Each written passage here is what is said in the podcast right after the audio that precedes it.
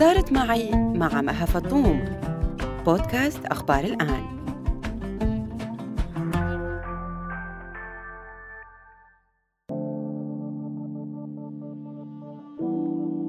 يعني أنا ما فيني أقول لك إنه نحن أشخاص بسيطين ونضحك علينا، لا، بس نحن أشخاص قرفنا، قرفنا العيشة هون وما عاد فينا نتأقلم. أنا من وقت النصبة كنت بحاجة لطبيب نفسي. طبعا بتروحي لعند الشرطة هون بيلوموكي إنه بيحطوا الحق عليكي إنه وين كان عقلك وقت اللي انصب عليكي؟ إنه معقولة تكوني بهالطيبة وهالسذاجة؟ طب اشتغلوا شغلكم مو على أساس أنتوا في خدمة الشعب؟ ريما اسم مستعار لسيدة سورية متزوجة وأم لبنتين 13 سنة وثلاث سنوات. تعمل مدرسة وزوجها موظف حكومي. بيعيشوا بمدينة صغيرة وسط سوريا. لكن هاجس الرحيل والمغادرة كان ملازمها دائما بسبب كل شي حل بسوريا على كل الأصعدة خاصة الاقتصادية. هذا الهاجس جعلها ضحية سهلة لعمليات النصب والاحتيال. بحلقة اليوم من بودكاست صارت معي رح نسمع منا ضمن سلسلة مش معقول تفاصيل كل شي صار. مش معقول هي سلسلة عم بنقدم من خلالها تجارب أشخاص تعرضوا للخيانة أو النصب والاحتيال أو كذب عليهم كذبات كبيرة غيرت مفاهيمهم عن التعامل مع البشر لنعرف منهم كيف تصرفوا وشو كانت النتائج. لكن ملاحظة صغيرة قبل ما نبدأ مع ريما إنه عدلنا صوتها بناء على رغبتها.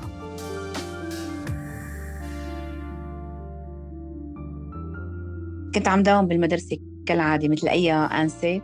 فنحن قاعدين نحن والأنسات فذكروا اسم شخص بيسفر العالم وبتعرفوا أنتم الوضع انه كيف هون بسوريا يعني كيف عايشين. فأنا كنت متشجعة كثير بس زوجي كان متردد كثير إنه ما بيحب يسافر. إيه شجعته وجيت قلت له إنه إنه هذا الشاب سمعت إنه بيسفر ليطلع الواحد على هولندا ليوصل على هولندا بعدين بيقبض المصاري. إجا قال لي طب كيف بدنا نجيب اسمه رقمه أو هيك؟ قلت له في وحدة رفيقتي بهولندا قال ممكن تعرف خيته لشاب بيعرفوا بنتواصل معه وبنجيب رقمه. اجى قال أوكي المهم حكينا مع هي اللي بهولندا حكينا معه وجبنا رقم الشاب اللي هون رفيقه لهذا واللي اسمه مالك صبحي كالو. آه، من عفرين آه، من عفرين هو كردي. آه، المهم اتصلت فيه وقلت له إذا ممكن نشوفك قال إيه لك؟ شو فكرتيني شبح؟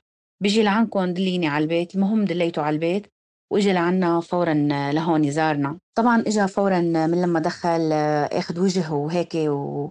وأنا وبعمل أنا ما بعرف شو المهم حطنا فوق الريح. المهم آه، اتفقنا إنه إنه جهز جوازات السفر له لبنت صغيرة وإنه هو بيعمل آه، آه، فيا سياحيه إنه عن طريق المعرض إنه زيارة معرض بهولندا. وإنه بيعرف هنيك عالم كثير قال إنه أهله كلن هنيك طبعا أنا وزوجتي كثير تشجعنا على الموضوع وبناتي كمان حبوا الفكرة.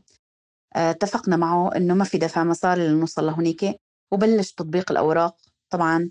آه بعد كم فترة إنه قال بده يحكي مع مكتب هو بالشام وهو عندنا طبعا فتح سبيكر حكي مع شخص وطلب هداك الشخص آه ألف دولار. المهم إنه بده اياها ضروري ما بعرف شو. إحنا قلنا يلا معلش ألف معلش إنه خلص نعتبرها هيك.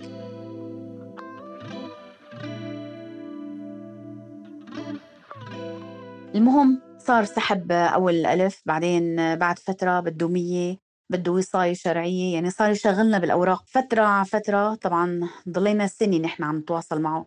إنه يلا جهزي حالك السفرة هي مدري شو آه، ضبي غراضك جهزي حالك يلا ها.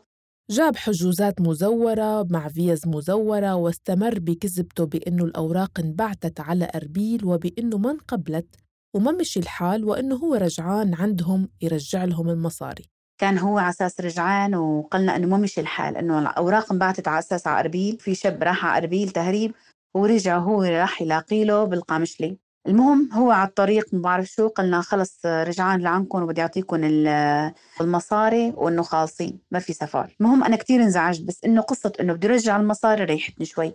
إيه قبل العيد بيوم آه، اتصلنا فيه قال يلا جهزوا الغداء أنا جاي لعندكم. جهزنا الغداء وضلينا للساعة خمسة المساء ونحن على اتصالات معه. آه فجأة انقطعت الاتصالات نهائيا. راحوا سألوا ببيت حماة لأنه هو متزوج وحدة من نفس مدينتهم. راح زوجي فورا لعم بيت حماة وهيك طلع مطلقها قبل بيوم كمان طلقها يعني هو ملو مسافر ولا شيء لا قامش لي ولا شيء كله هون عم يعمل إجراءات شو الهروب والنصب. بعد فترة صرنا نتعرف على الأشخاص اللي نصب علينا مثلنا وفي أشخاص طبعا أخذ لهم جوازات السفر. نحن الحمد لله بس المصاري. طبعا وضعنا النفسي سيء جدا لأنه نحن بعنا بيت وبعنا سيارة وكان عندي آه، ورثة كمان بعتها وما ضل عنا شيء نهائيا غير رواتبنا فقط في البيت. وضعنا النفسي سيء وخاصة أنا أنا كتير متأثرة بالموضوع كتير. زوجي الله يعينه بناتي كمان تأثروا كتير بالموضوع يعني ضلينا فترة فترة أنا بكي كتير كتير ببكي. عاطفي زيادة عن اللزوم وكتير مأثر علي الموضوع ولهلق طبعا عم بدي عليه.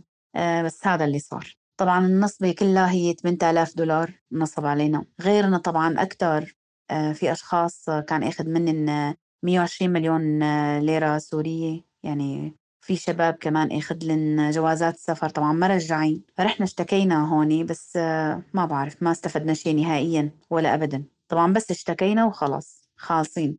يعني لازم نتناسى الموضوع شوي. عم نحاول نقوى بس المشكلة الوضع المادي هون سوريا كل مال الأسوأ. لهيك عم نتعذب شوي. طبعا في شاب هون بهذا رفيقه نفسه آه وقت اللي تعرفت عليه أول مرة لهذا مالك آه اتصلت بهذا رفيقه هون آه حكيت معه قلت له أنت واثق منه؟ قال إيه واثق. قلت له مدى شو يعني واثق؟ قال لا مية بالمية وإذا ما زبط الموضوع بيرجع لكم المصاري. طبعا نحن اشتكينا على هذا الشاب وقتها كمان اشتكينا وحبسوه هون آه حبسوه فترة وطلع يعني ولا كأنه في شيء. مع أنه علاقته فيه يعني مثل الأخوة كانوا ونايم قايم عندهم بالبيت طبعا. واثقة أنه هذا الشاب بيعرف آه مكانه. آه وبيعرف كل التفاصيل يعني. وأكيد يعني خطط هو للنصب على العالم وأكيد أكيد بده يسافر يلحقه. مدري يسافر ما بنعرف شيء عنه. يعني أنا ما فيني أقول لك إنه نحن آه، أشخاص بسيطين وانضحك علينا. لا. هلأ في منه هالموضوع فيني أقول لك 1% بس نحن أشخاص قرفنا قرفنا العيشة هون وما عاد فينا نتأقلم. طبعا في تفصيل صغير آه، ما قلت لك إياه. أنا اخذت استيداع سني وقتها السنة الماضية اخذت استيداع سني وطبعا كان يشجعني إني أترك الوظيفة هو. إنه اتركي وظيفتك وخلص شو بدك؟ آه، بكرة بهولندا بتعيشي حياة آه، رائعة وشو بدك ترجعي للوظيفة؟ وما بعرف شو. فقال لي زوجي لا إنه لازم تاخذي استيداع سني. بلكي هنيك إذا سافرتي ما زبطت أمورك ورجعتي إنه أخذت استيداع سني طبعا وضليت هون سنه قاعدة بالبيت. تضايقنا كثير وكنت كثير أبكي قدامه لمالك الله لا يوفقه. كثير أبكي قدامه إنه نحن متضايقين يعني متضايقين ماديا نحن عم نتدين. يعني في قسم كثير من المبلغ نحن متدينينه. يعني ولهلق نحن إسا العالم اللي تدينا منه ناطرين ناطريننا للرجعين. بس آه، الله يوفقن انه مطولين بالنا علينا.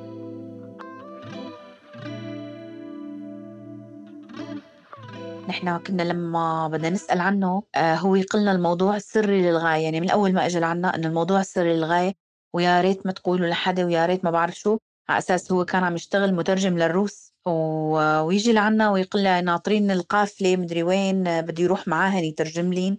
ويجي بالبدلة لعنا إنه هو بدلة روس يعني رايح مترجم نظامي. على أساس صار له فترة. ونحن لما سألنا عنه هون لما اشتكينا عليه هو طلع فترة صحيح كان اشتغل مع الروس فترة بس من زمان يعني. أول الأحداث مو هلق مو حاليا يعني بس هو كان لهلق معه كان بطاقة الروس إنه اللي عم يمشي فيه على الحواجز إنه عم يخلوه يمشي بالحوا... على الحواجز طبعا. آه طبعا نحن بعد النصبة صار يتواصل مع زوجي على الماسنجر ضل يتواصل معه. وأنا قل له أنا أنا واثقة منك إنه رح ترجع لنا المصاري وبتعرف إنه كله دين وكنا نحكي قدامك مع الناس اللي عم نتدين مني.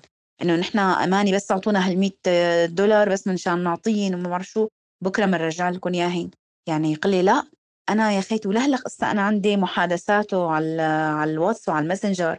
يعني إنه لا يا خيتي أنا ما بآكل حق حرام وما بعرف شو.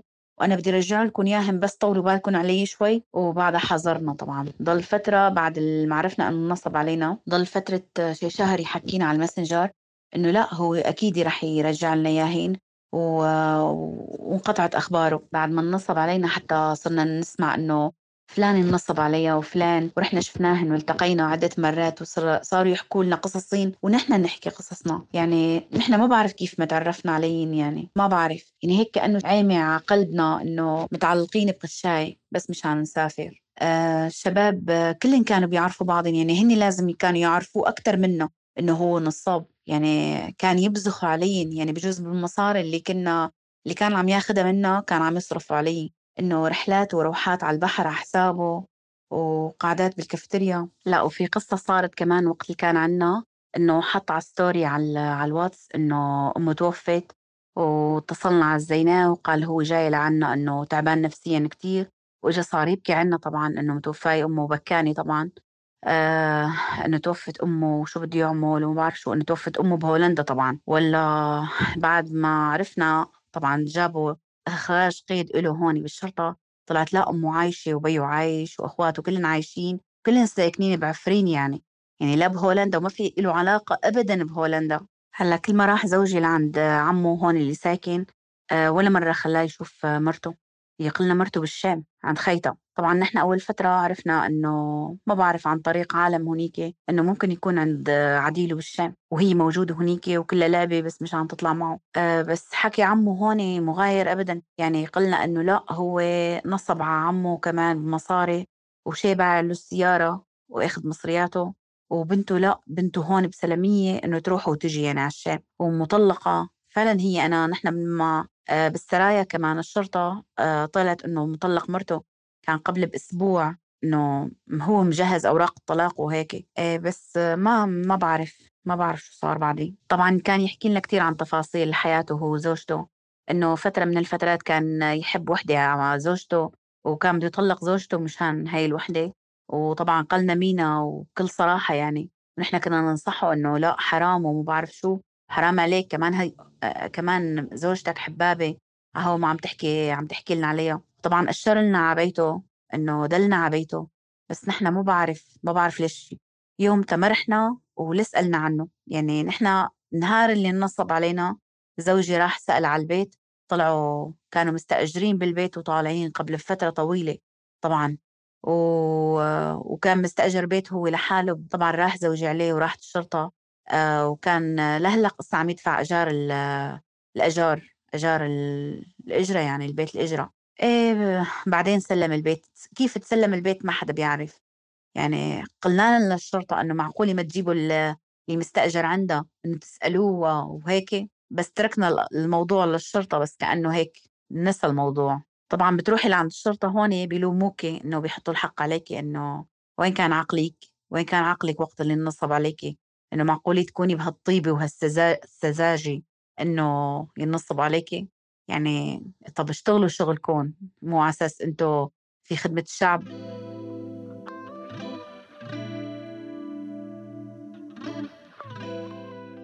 أنا كنت كتير إنسانة اجتماعية وطموحة وطاقة إيجابية وبحب الضحك والقعدات مع رفقاتي وكتير بحب الطلعات والفوتات. بس بعد الموضوع اللي صار معنا انقلبت 180 درجة. صرت انعزالية آه، تقريبا صفر اجتماعيا. آه، إذا حدا بيسألني كيفك آه، ببكي ممكن ابكي إذا قعدت مع رفقاتي ممكن يسألوني شو بيك ليش هيك متغيرة؟ صاير شيء معك يعني دائما بشرد انه عم يحكوا. ما بعرف تغيرت كليا. حتى جسمي تغير يعني. بشرتي تغيرت شكلي تغير. هالسنة اللي مرقت علينا كبرتني أكثر من عشر سنين. تعب تعب نفسيا.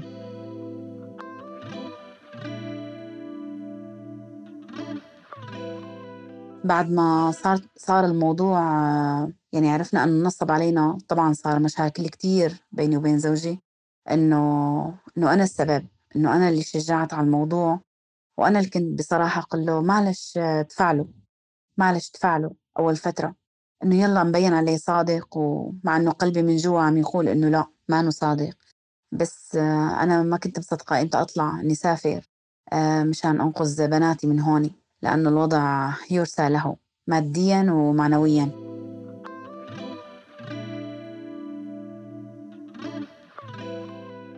آه، تخطينا المشاكل بعد آه، ما لنا فترة طويلة طبعا إنه متخطين المشاكل إنه ما بعرف شو بدي أحكي.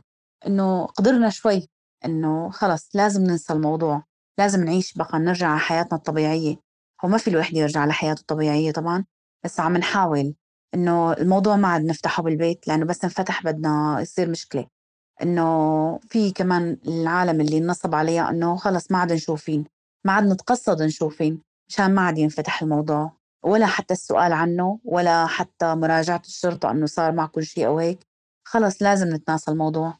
ونبلش من جديد.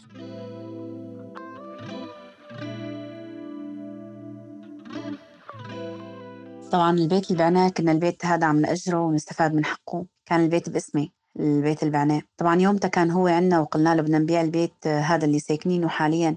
اجى قلنا لا ما تبيعوه هلا وما بعرف شو خلص بس بدك تطلعي لهونيك. آه زوجك ببيع هون وبتكملوا لي حق السفرة يعني.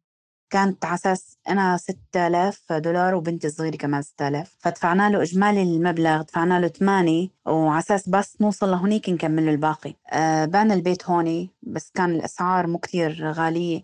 وبعنا السيارة سيارتنا قديمة طبعا بعناها. فالمبلغ كله مصاري آه 5000 يمكن بتذكر يوم يومتها. مع إجمالي الورثة مع كل شيء. كان 5000 دولار بس. يعني ما كان كثير دينا 2000 طبعا زوجي باع الأراضي. لحتى جمعنا مصاري ودفعنا. ما دفعنا الدينة طبعا بس دفعنا له الهداكي المبلغ كله. هال 8000 دفعناها. إيه طبعا ال 2000 دين وصاروا 6000 آه، إنه جمعناهن وعطيناهن وهيك صار يعني ما بعرف. يعني هلأ نحن إذا وصلت لإيدنا 2000 آه، هيك الحمد لله بنكون إنه ما بعرف هي قدرة قدرة قدرة قادر طبعا.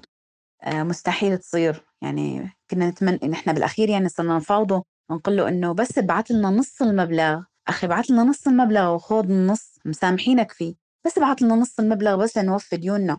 إنه بس نرجع للعالم اللي مدينينا خلص بلا البيت وبلا السيارة وبلا شيء. بس ابعث لنا بس نوفي ديوننا. يعني صار ديون علينا يعني ما بعرف هلأ نحن يعني شو ما اشتغلنا. يعني أنا مثلا مدرسة وزوجي موظف. يعني نحن كيف بدنا نوفي دين؟ يعني ما فينا. يعني حتى القرض ما فينا. طبعا أنا بضل عندي إيمان بالله إنه ممكن يصير هيك ما بعرف. آه الله ما رح يتركه طبعا. أنا واثقة من هالشي. وبيرجع لنا حق حقنا حتى لو مو مصاري. آه المهم نضل بخير وما حد يوجعه شيء من البنات طبعا من ولادي رح نستمر ونقاوم. آه لنشوف لحتى الله يفرجها. إن شاء الله خير.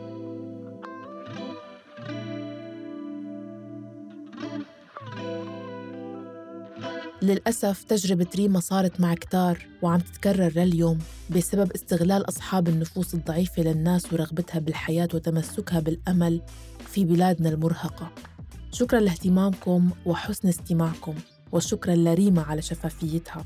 انتظرونا بالحلقات القادمة واستمعوا لجميع الحلقات السابقة عبر زيارة موقعنا أخبار الآن dot net وجميع منصات البودكاست مثل Apple Podcast، Spotify، Google Podcast، SoundCloud، Deezer وأنغامي. لاقتراحاتكم ومشاركاتكم تواصلوا معي عبر الواتساب على الرقم 00971 568 531 592 بالإعداد والتقديم رافقكم دايما. أنا مها فطوم. إلى اللقاء.